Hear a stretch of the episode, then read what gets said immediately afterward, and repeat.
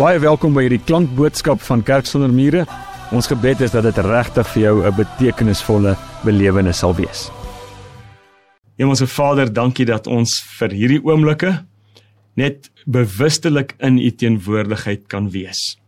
Ja Here, ons weet ons is elke oomblik van die dag in U teenwoordigheid voor U gesig, maar ons wil vandag net vir nou baie bewus, spesiaal bewus daarvan raak dat ons by U is, dat U besig met ons is, dat U ons wil vorm en dat U vir ons wil rigting gee vir die lewe. Kom praat asseblief vandag met ons elkeen deur U woord. Dankie Here Jesus dat U ons met die Vader versoen het. Dankie dat U vir ons die Gees gegee het wat vir ons kom leer en kom lei hoe lyk 'n lewe in verhouding met die liefdevolle Vader. Kom help ons om vandag ook iets van hierdie lewe vanuit U woord te ontdek. Amen. Wat van die ander 6 dae? Dis 'n vraag wat ek dink baie nodig is dat gelowiges vir mekaar moet vra. Want dit lyk vir my baie keer asof gelowiges dink dat aanbidding van die Here en diens van die Here net op Sondag vir 'n uur lank op 'n sekere plek binne die mure moet gebeur. Ons praat baie keer selfs van Sondag as die dag van die Here en dit bring 'n ander vraag vir my na vore, maar wat weer eens daai vraag na vore, wat van die ander 6 dae? Want jy sien, meeste van ons bring die grootste deel van ons lewe nie by die kerk of by die huis deur nie, maar by die werk. Soveel as 80% of meer as 80% van die tyd waarin ons wakker is, bring ons deur by die werk. En as ons dink dat aanbidding en diens aan die Here net op Sondag gebeur, dan kan dit wees dat ons Christendom en geloof en God as irrelevant vir die res van ons lewe beleef. Eintlik dan as irrelevant kan beleef vir 80% van ons lewe kan beleef. En dan kan jy hoor dit dit kan tog nie so wees nie. Maar die vraag is, waar kom dit vandaan? Waar kom hierdie verkeerde manier van dink oor die lewe en oor beroep en oor oor die werklikheid vandaan? Dit kom daarvandaan dat ons van baie jare oor eeue het mense die lewe, die wêreld ingedeel in twee kategorieë. 'n Geestelike kategorie en dan 'n sekulêre kategorie. Geestelike werke en sekulêre werke. Geestelike mense en gewone mense.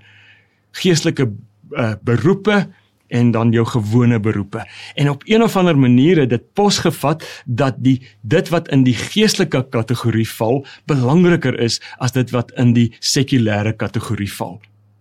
En as ons na die Bybel kyk, eh, dan dan sien ons dat dit nie die geval is nie. Dat dat daar nie hierdie onderskeid is tussen geestelike en sekulêr nie. Dat en dat die geestelike beslis nie belangriker is as die sekulêre nie. Ons sien baie keer dat mense sê as ek die Here met toewyding wil dien, dink 'n bietjie daaraan, dan moet ek nie meer betrokke raak by die sekulêre deel nie, dan moet ek meer betrokke raak by die geestelike deel. Dan dan moet ek meer betrokke raak by die gemeente, ek moet begin dien by die kinderbediening, by die gasvryheidsbediening en noem maar op. En dis belangrik. Maar dis nie belangriker as as die lewe nie. Die lewe word nie net geleef by die kerk nie. Die lewe word geleef elke dag 6 7 dae 'n week. So die Bybel het nie hierdie onderskeid tussen 'n geestelike en 'n sekulêre wêreld nie. Vir die Here is daar net lewe en die lewe behoort aan hom.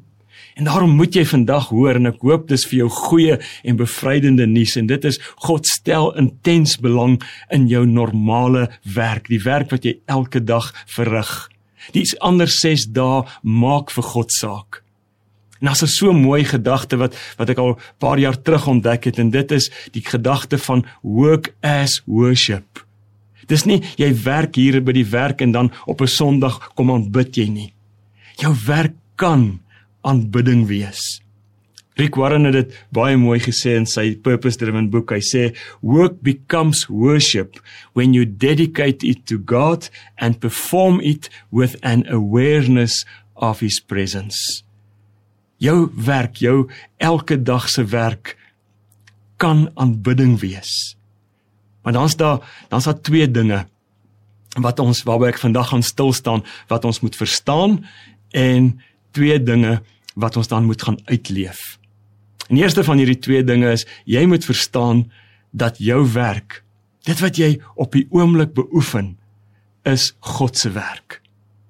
In Genesis 2 vers 15 sien ons dat God die opdrag gee dat daar gewerk moet word. Daar staan die Here God het die mens in die tuin laat woon om dit te bewerk en dit op te pas.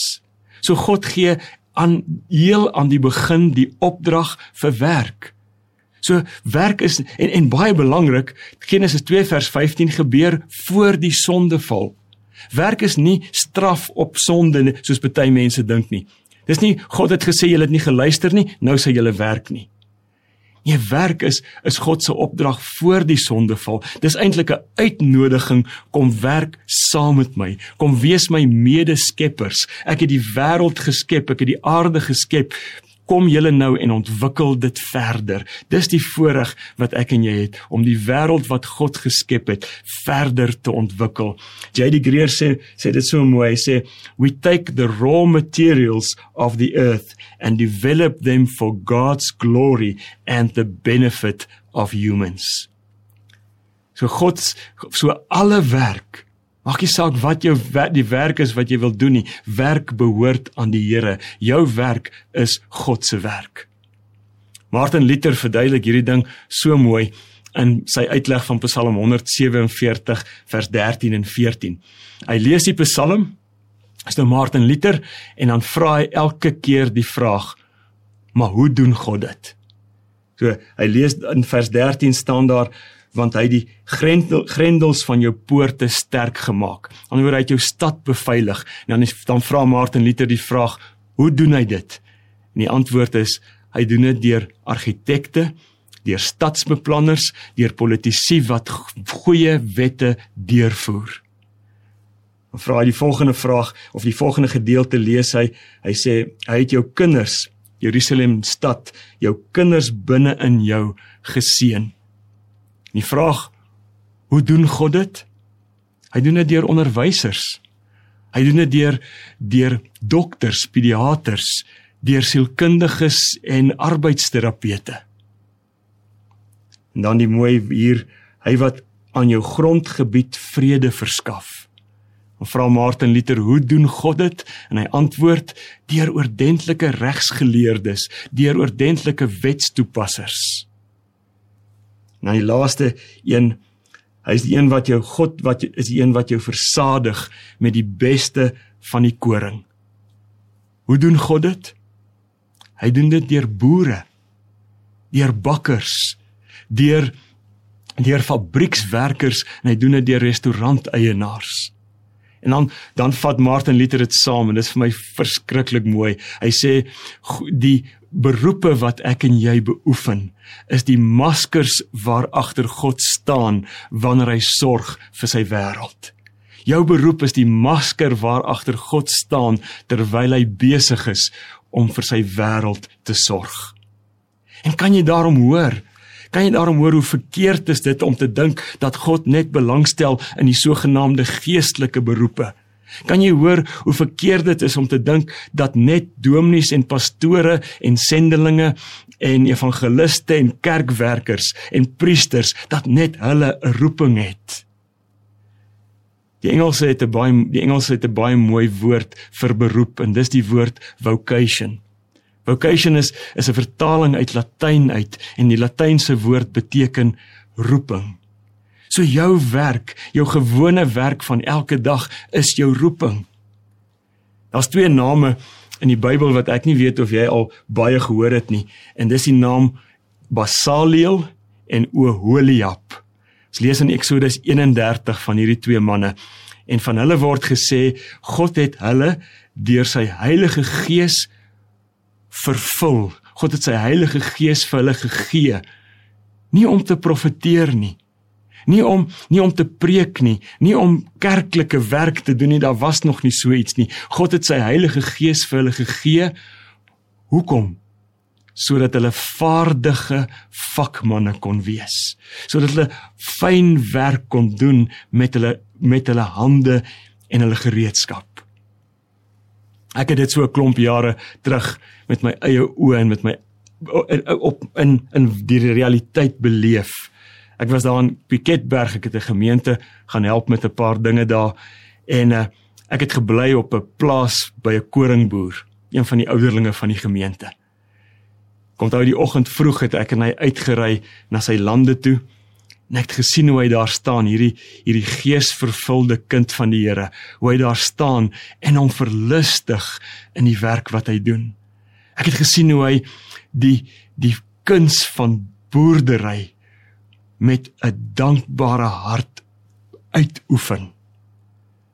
En ek het verstaan God het vir hom sy gees gegee vir hierdie man sy gees gegee om hom 'n kunstige boer te maak. God het vir hom boerdery gegee as 'n masker waar agter God staan terwyl hy sorg vir sy wêreld. So die eerste ding wat jy vandag moet hoor is dit. Jou werk is God se werk. Maak nie wat saak wat jy doen nie. Jou werk is God se werk. Dis 'n geleentheid en 'n manier vir jou om God te aanbid en om God se wêreld te dien. Maar as jy dan dit sê, as ons dan dit sê vir mekaar, jou werk is God se werk. Dan is daar 'n tweede ding wat so belangrik is. Dan om my werk aanbidding te laat wees, moet ek my werk op God se manier doen. Ek doen God se werk, daarom moet ek God se werk op God se manier doen. En die eerste manier waarop ons God se werk op God se manier doen, is as ons dit doen met uitnemendheid. Dis so 'n mooi Afrikaanse woord dat ek dit doen met uitnemendheid. Paulus sê dit in Kolossense In 3 vers 23 en 24 sê hy dit mooi. Hy sê wat julle ook al doen, doen dit van harte soos vir die Here en nie vir mense nie. Omdat julle weet dat julle van die Here as beloning sal kry wat hy beloof het. Christus is die Here in wie se diens julle staan. Jady Greer sê dit weer weer 'n keer so mooi. Hy sê daar jy jy werk vir 'n belangriker baas as jou werkgewer. Dis wat Kolossense 3 sê. En hy sê jy werk vir 'n groter beloning as jou salaris. En dan gaan Paulus regtig verder nog hiermee in Efesiërs 6 en hy en hy bring die punt regtig huis toe wanneer hy sê al is jy 'n slaaf En al doen jy die werk van 'n slaaf, jy werk nie in die eerste plek vir jou werkgewer nie, jy werk vir Christus. Christus is die een in wie se diens jy staan. Maak nie saak wat die werk is nie, al is dit slawewerk. Christus is die een in wie se diens jy staan. En ek het by iemand gehoor en, en ek dink dit kan ons dalk help dat as jy by die werk is en in 'n werksituasie is en jou baas staan voor jou of die kliënt staan voor jou of die pasiënt staan of lê voor jou dat jy nie in die eerste plek hierdie persoon sal raak sien nie maar dat jy agter hom in jou geestesoog sal sien dat Christus daar staan. As jy in 'n hospitaal is en die pasiënt is moeilik met jou en ongeskik en jy probeer verpleeg met liefde dat jy verby die pasiënt sal sien dat Christus daar staan. Dat Christus jou sien dat hy sien wat jy doen, dat hy sien hoe jy dit sien doen, dat hy jou gesindheid sal sien en dat hy in tevredenheid sal glimlag.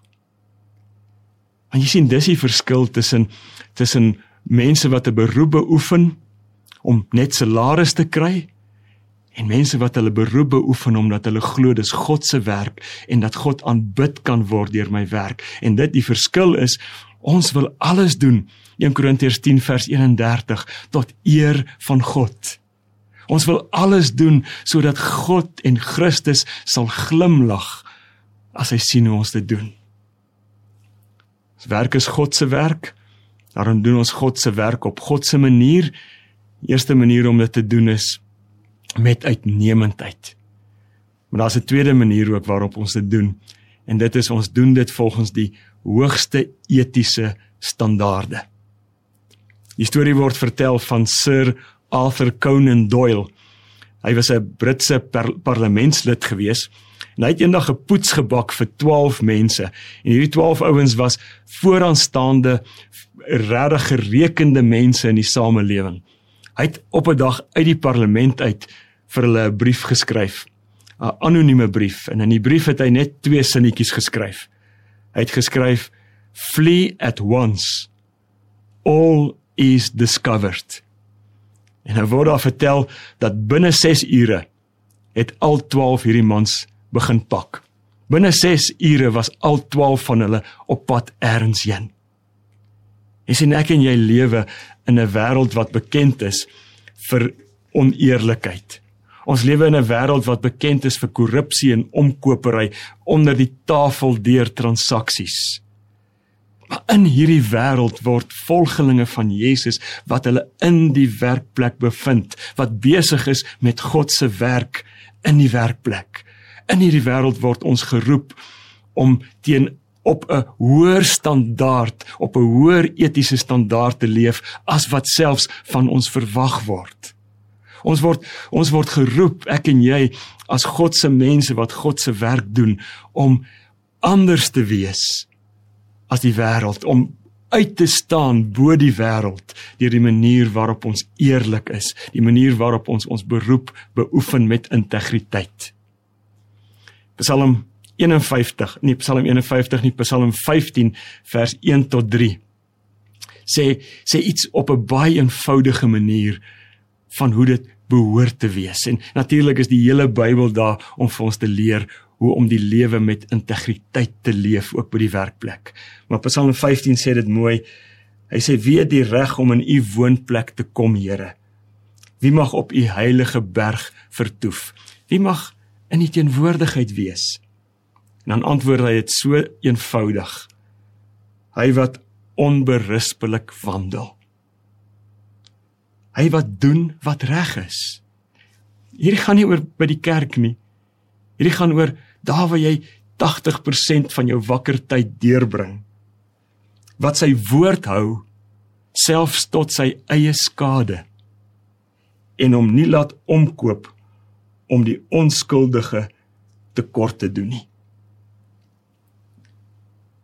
As ons God se werk doen, As ons verstaan ons werk is God se werk, dit kan aanbidding wees wanneer ons dit op God se manier doen met uitnemendheid en met integriteit dan kom ons by 'n laaste ding en dit is dan word my beroep, my werk 'n geleentheid vir die uitdra van die goeie nuus. Die goeie nuus dat Jesus gebore is, dat hy gelewe het, dat hy gesterf het, opgestaan het, dat hy ons 'n opdrag gegee het en dat hy weer kom.